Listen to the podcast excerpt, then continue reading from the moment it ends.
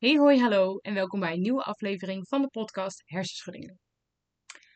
Deze podcast is bedoeld ter herkenning, inspiratie en motivatie in de weg van herstel tijdens het herstellen van een zwaardere hersenschudding. Ik ben Coco, ik ben 23 jaar en ik heb zelf 2,5 jaar nu een zwaardere hersenschudding. Waardoor ik als geen ander weet wat voor impact het heeft op je leven, welke struggles er zijn en waar je mee te dealen hebt op het moment dat je aan het herstellen bent. Ik ben een ervaringsdeskundige en geen arts, neem mijn woorden dan ook niet aan als voor Het is gewoon een manier om ernaar te kijken en een manier om mee om te gaan. Ik heb een Instagram-account dat heet Hersenschudding Leven. Daarop kun je altijd mij een berichtje sturen op het moment dat je jouw verhalen wilt delen, iets over de afleveringen wil zeggen of überhaupt iets wilt delen. Dat mag altijd via Instagram. Hersenschudding Leven is dus het account. Vind ik super leuk. Ehm, en daar kom ik zo nog eventjes op terug, want Instagram gaat een belangrijke rol spelen in deze podcast. Oké, nou, ik ben een paar weken weg geweest. Voor degenen die mij dus op Instagram volgen, heb ik dat een keertje gedeeld. Uh, ik, had het, was bezig met de laatste weken van school en het was voor mij best wel druk. Um, ik ben in februari weer begonnen met studeren. En ik heb een minor gedaan, dus dat betekent dat je een half jaar lang een soort van extra vak gaat leren binnen je opleiding. Um, en dat vond ik heel erg leuk, maar de laatste weken merkte ik dat het voor mij allemaal een beetje veel werd om en te focussen op deadlines en op alles wat ik nog wilde doen daarbuiten, dus de podcast. Um, dus ik dacht, ik neem heel even een pauze.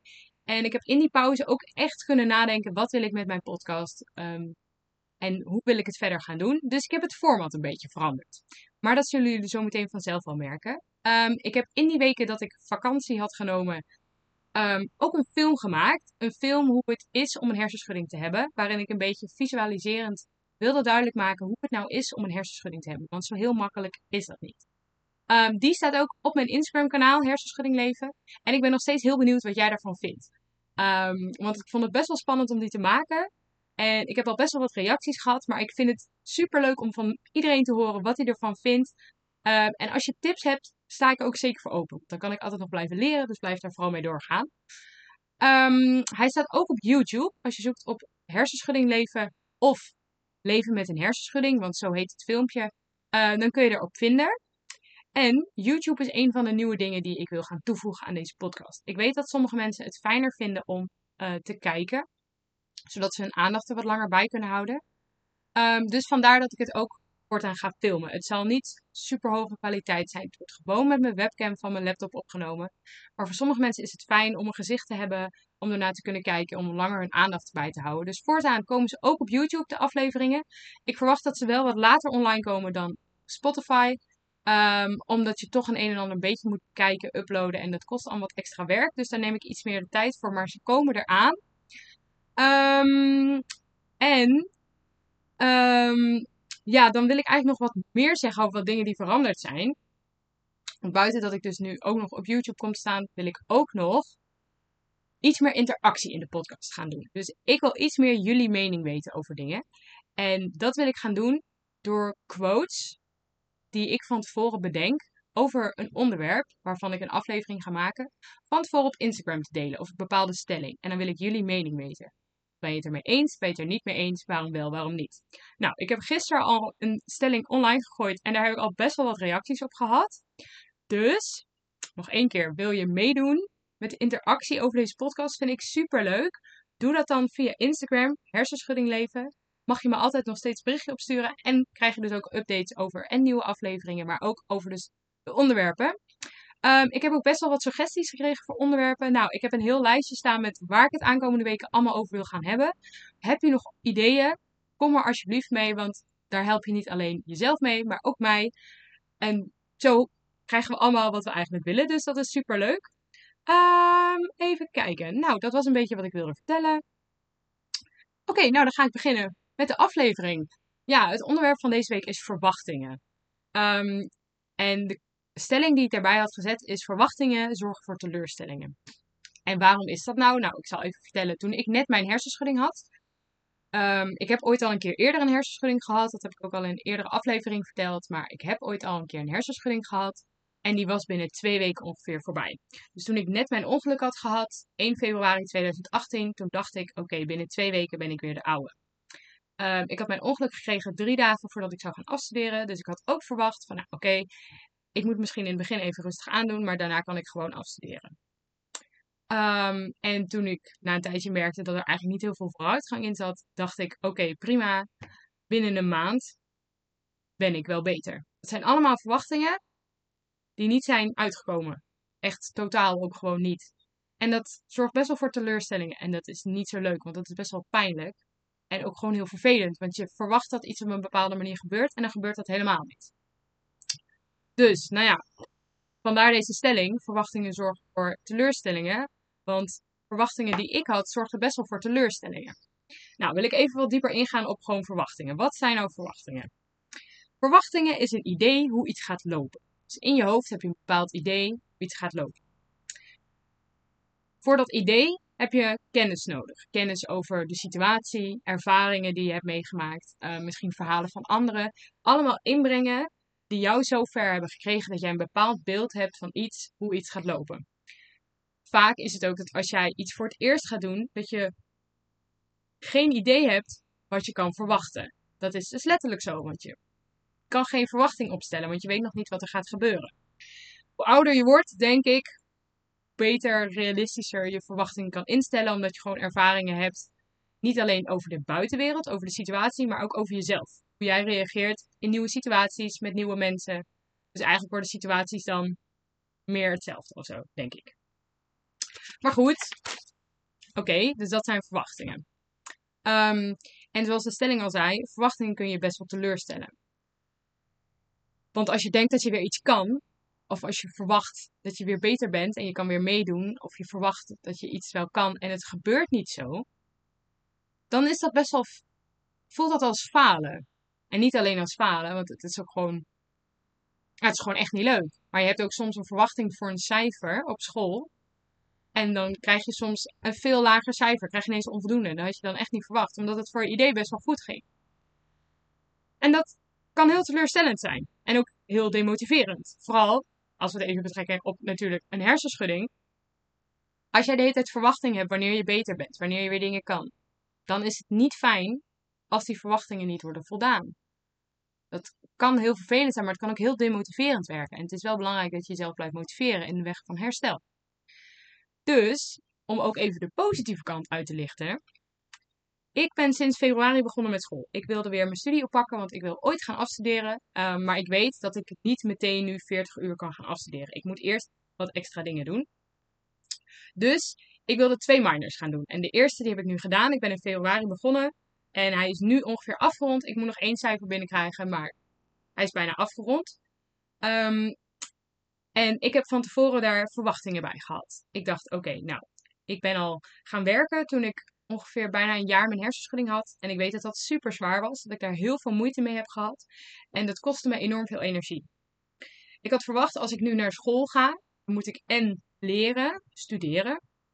En er zijn nieuwe mensen. En ik moet met het openbaar vervoer. Um, dat gaat mij super veel energie kosten ik verwacht dat ik mijn minor niet ga halen. Als in, ik krijg de studiepunten er niet voor. Wat ik op zich niet erg vond, want het was voor mij echt als een training. En ik heb eigenlijk voldoende studiepunten binnen om straks gewoon te gaan afstuderen. Dus alles wat ik nu extra doe, is echt ook extra. Ik hoef die studiepunten, studiepunten ook niet te hebben. Maar, het zou wel leuk zijn. Maar ik had oprecht verwacht, oké, ik denk niet dat ik dit ga halen, want ik wil niet mezelf de hele tijd voorbij lopen. En dat heb ik met mijn werken wel gedaan. Ik heb anderhalf jaar gewerkt na een tijdje, omdat ik dacht, ja, ik kan niet de hele tijd thuis zitten. Ik had negen maanden thuis gezeten en ik dacht, ja, en nu? En toen ben ik uiteindelijk gaan werken, parttime, om toch een beetje prikkels te oefenen. En dat was heel zwaar. En ik ben mezelf daar best wel vaak in voorbij gelopen. Um, dus ik dacht, dat ga ik nu met school weer doen. Nou, ik heb mijn minor afgemaakt. Ik heb mijn opdrachten ingeleverd. Ik heb er vertrouwen in dat het goed gaat komen.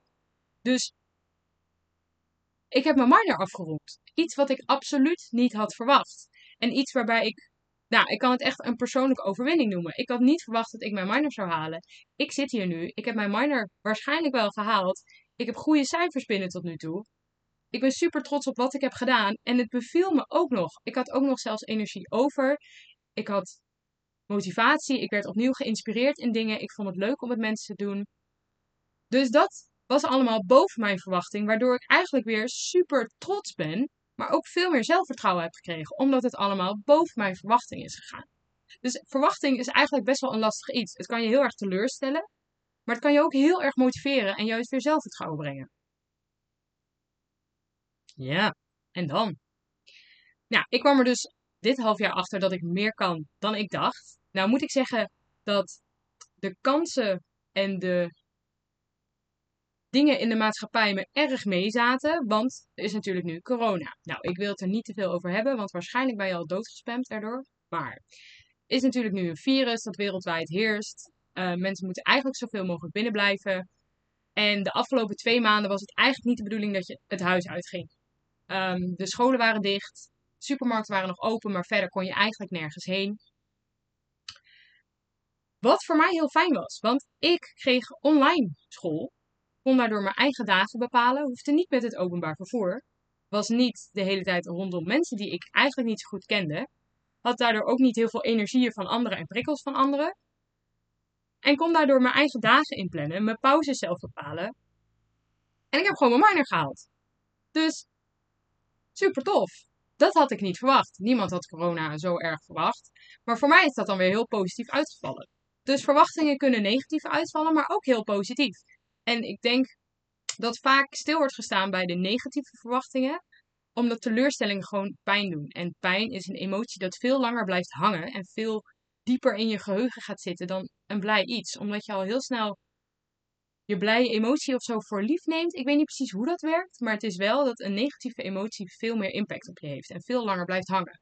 Wat eigenlijk zonde is, want als je dus iets bereikt, blijf je daar veel korter bij stilstaan. Maar als je iets niet haalt en daarin dus faalt of het niet lukt, heeft dat veel meer impact.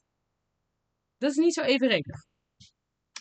Um, verwachtingen zijn dus eigenlijk altijd in perspectief ook. Het is ook maar net hoe jij het bekijkt. Als jij, hebt, als jij verwacht dat je iets kan en je kan het niet, dat is heel vervelend. Had je van tevoren verwacht, dit lukt mij niet, en het lukt dan ook niet, doet het ook iets minder pijn, want dat had je ergens al wel verwacht.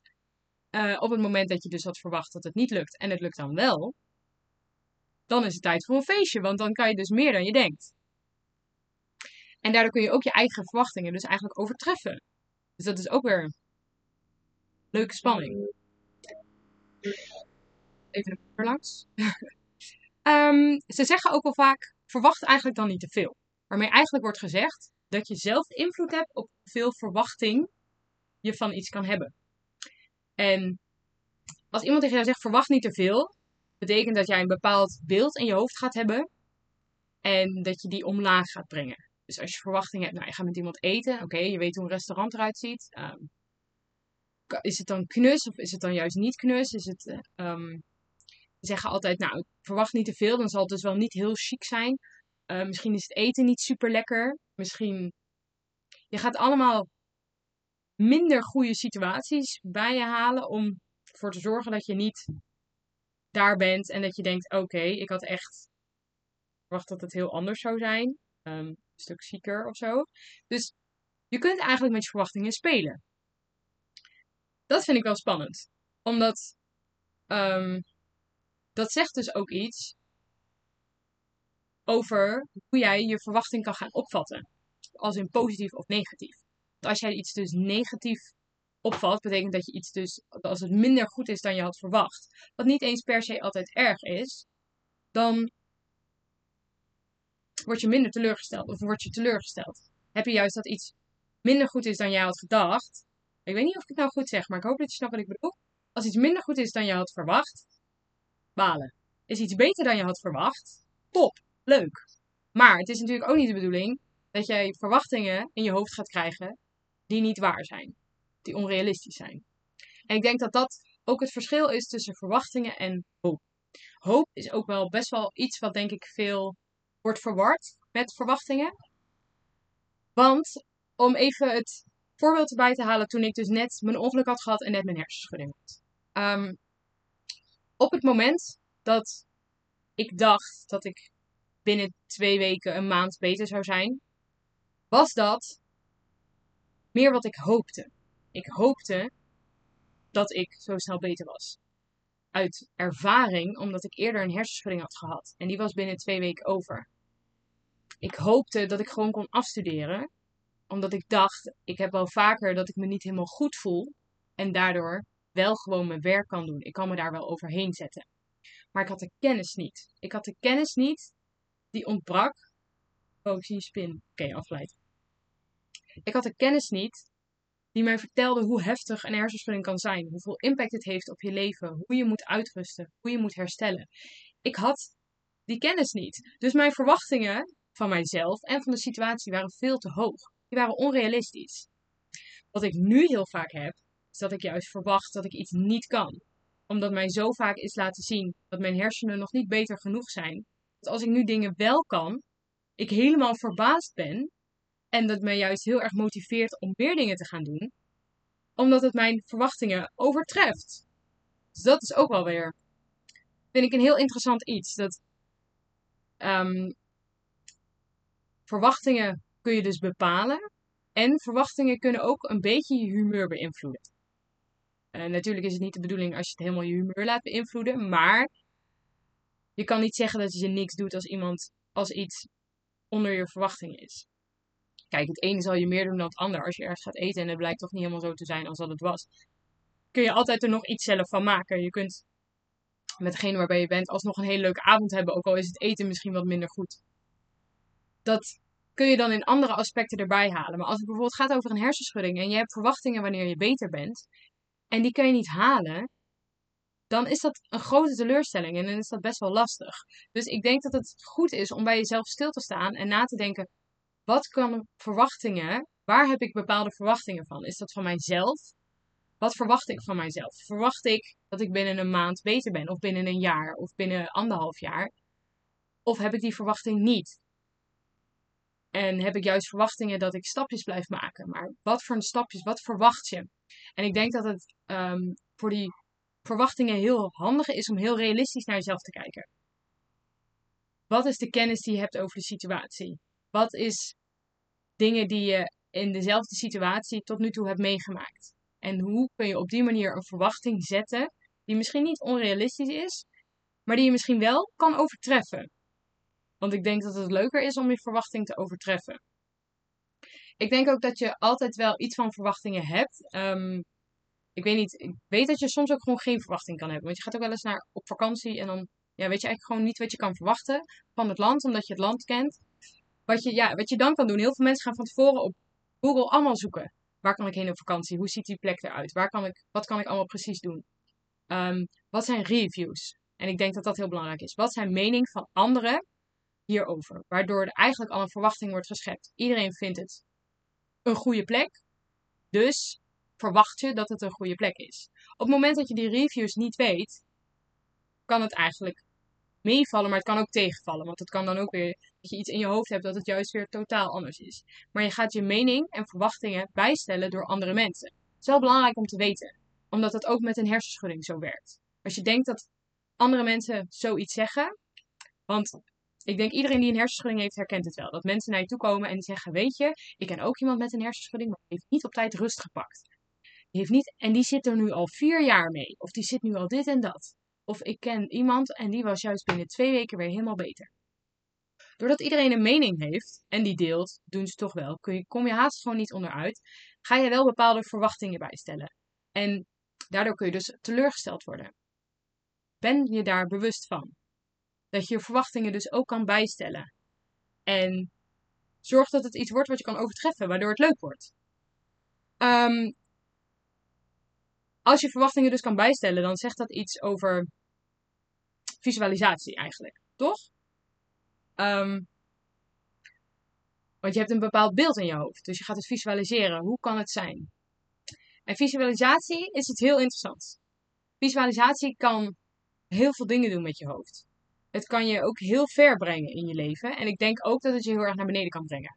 Visualisatie is iets waar ik volgende week over door wil gaan. Um, dus dan weet je dat vast voor volgende week. Het is alvast een uh, kleine hint. Volgende week komt visualisatie zeker aan bod. Ik denk namelijk dat het iets heel belangrijks is. En dat je in herstel van hersenschudding, als je het op de juiste manier kan inzetten, denk ik dat het je heel ver kan gaan brengen. En ik ben me de afgelopen weken daar een beetje in gaan interesseren. Um, en ik heb daar wel een en ander van inzicht aan opgedaan en die wil ik graag met jullie delen. Dus dat ga ik dan volgende week met jullie doen. Dus, maar tot zover even wat ik denk van verwachtingen. ik denk dus inderdaad dat er gewoon een, veel, een grote miscommunicatie is tussen hoop en verwachting. En verwachting kun je dus bijstellen. Je kan hem overtreffen. Ja, ik ben benieuwd wat jullie ervan vinden. Dus ik pak even Instagram erbij, want jullie hebben ook gereageerd op de stelling. Ik ga het er gewoon even bij pakken. Even kijken hoor. Instagram. Ehm, nou, als ik naar de stelling ga. Verwachtingen zorgen voor teleurstellingen. Ik heb 21 stemmen voor ja. Ik heb 5 stemmen voor nee. Dus niet iedereen is het ermee eens.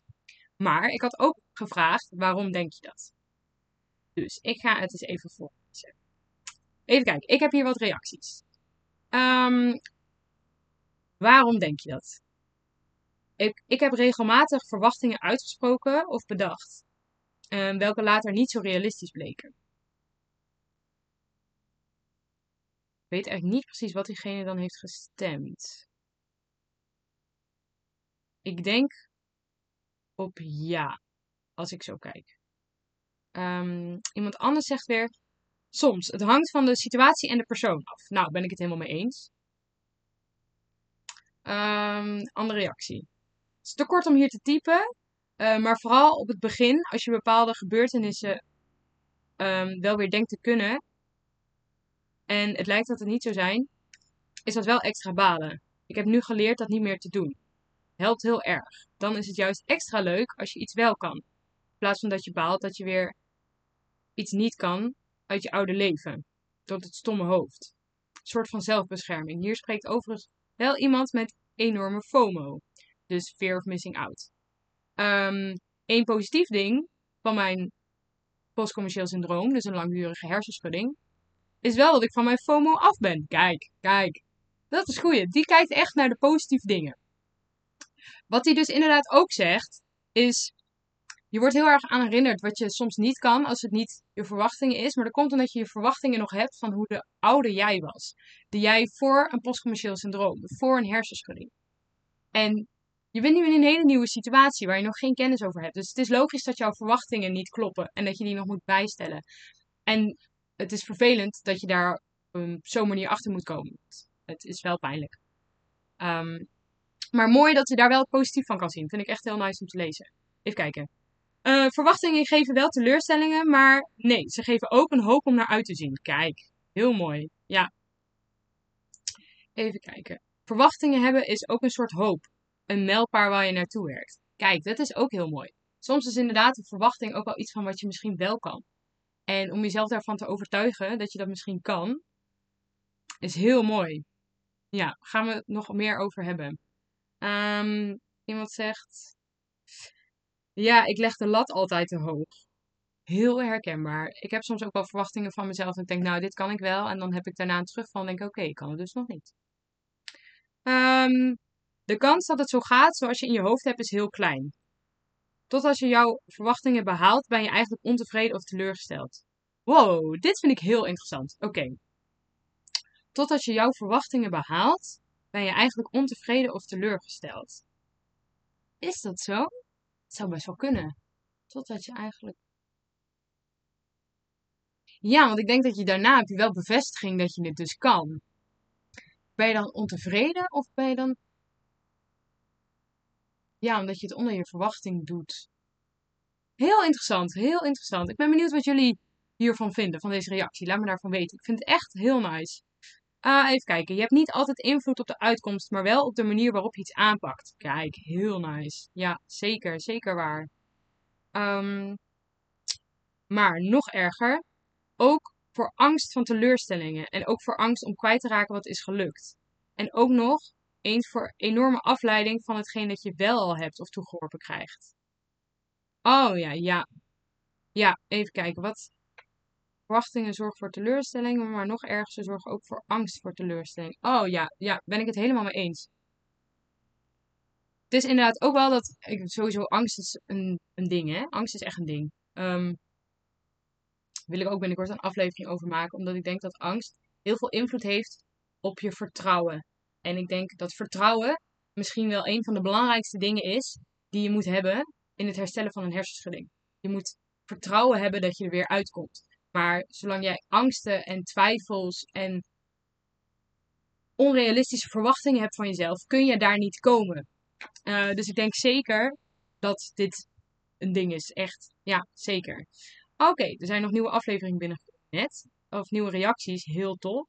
Even kijken. Um, omdat je toch een beeld hebt hoe een doel eruit komt te zien. En als dat niet lukt, is het teleurstellend. Ja, klopt. Ja. ja, dat is het zeker. Want dat komt dus dat je een beeld hebt in je hoofd. En als je daar niet aan kan voldoen, dan voelt het als falen. En dat, dat is heel vervelend. Um, kijk, ik heb nog een reactie. Ik vergeet in mijn verwachtingen altijd nog dat ik ziek ben. Dus ik heb de hoge verwachtingen van ik kan. Ja, dat is heel herkenbaar. Ik ben nu 2,5 jaar verder en ik moet zeggen dat me, ik bijna niet meer kan voorstellen hoe ik was voordat ik mijn hersenschudding had. Ik weet wel hoe ongeveer wat ik was, maar niet meer wat ik kon. Um, en dat ik nu ook heel vaak denk van, oh my god, heb ik dat ooit gekund?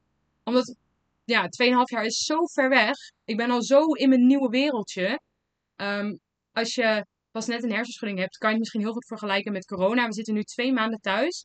En dat je straks weer naar de supermarkt gaat en um, iedereen een hand geeft, bij feestjes bent. Je kunt het er haast niet meer voorstellen dat je dat gewoon doet zonder afstand te houden. Want het wordt nu bijna nieuw normaal dat je anderhalve meter afstand houdt van elkaar. Ik heb ook soms dat als ik allemaal mensen bij elkaar zie, dat ik denk, oh, anderhalve meter afstand. Maar dat is dus in mijn hoofd het nieuwe normaal aan het worden. En dat is met hersenschudding precies hetzelfde je moet wennen aan de nieuwe situatie. En je moet daarbij je verwachtingen gaan bijstellen. Um, en ik denk dat verwachtingen niet alleen over je herstel, maar ook over je leven. Um, en ik denk dat daar wil ik niet al te op ingaan, want dan wil ik later nog wel iets doen. Maar weet je, het heeft echt impact op je hele leven. En sommige mensen herstellen heel snel van een hersenschudding. Sommige mensen zijn na tien jaar nog zeker niet hersteld. En herstellen misschien nooit meer. En wat is dan herstellen? Is herstellen dan weer kunnen leven of niet? Dus um, heel interessant. Gaan we het ook nog een keer over hebben. Dit was mijn aflevering. Ik ben heel benieuwd wat je ervan vond. Ik ben heel benieuwd wat je vindt van het toevoegen van een quote in de aflevering. Laat me weten. Ik stuur ook volgende week dus weer of, uh, een nieuwe stelling op Instagram. Hersenschudding leven is het account. Um, laat me weten wat je van de aflevering vindt. Uh, beter eens, beter niet mee eens. Vind je iets totaal anders? Ik vind het echt super leuk dat jullie reageren. Het motiveert mij heel erg om door te gaan. Um, ja, ik zou zeggen, ik denk dat dit het was. Luister via iTunes, dan kan je volgens mij een review achterlaten. Doe dat. Dan komt hij hoger in de rankeringslijst. Waardoor meer mensen de uh, aflevering kunnen vinden in de podcast. En dat is heel fijn, want dan kunnen ook mensen die net een hersenschudding hebben, maar dit nog niet kennen, ook luisteren. Um, wil jij dus mij zien spreken omdat je dat fijner vindt op te letten? Dat kan. Um, ik kan me ook heel goed voorstellen als je zoiets hebt, ik doe dat liever niet. Want het is lastig om soms naar beeldschermen te kijken. Dus als je dan naar een video moet kijken, um, dat kan nog best wel vermoeiend zijn. Dus doe lekker wat je zelf wil. De mogelijkheid is er. Hij staat bij Hersenschudding Leven um, op YouTube. Daar heb ik een account op gemaakt. Ik zal ook nog het linkje even een keertje delen op Instagram. En dan zou ik zeggen, Oké, tot ziens. Tot volgende week. Doei doei.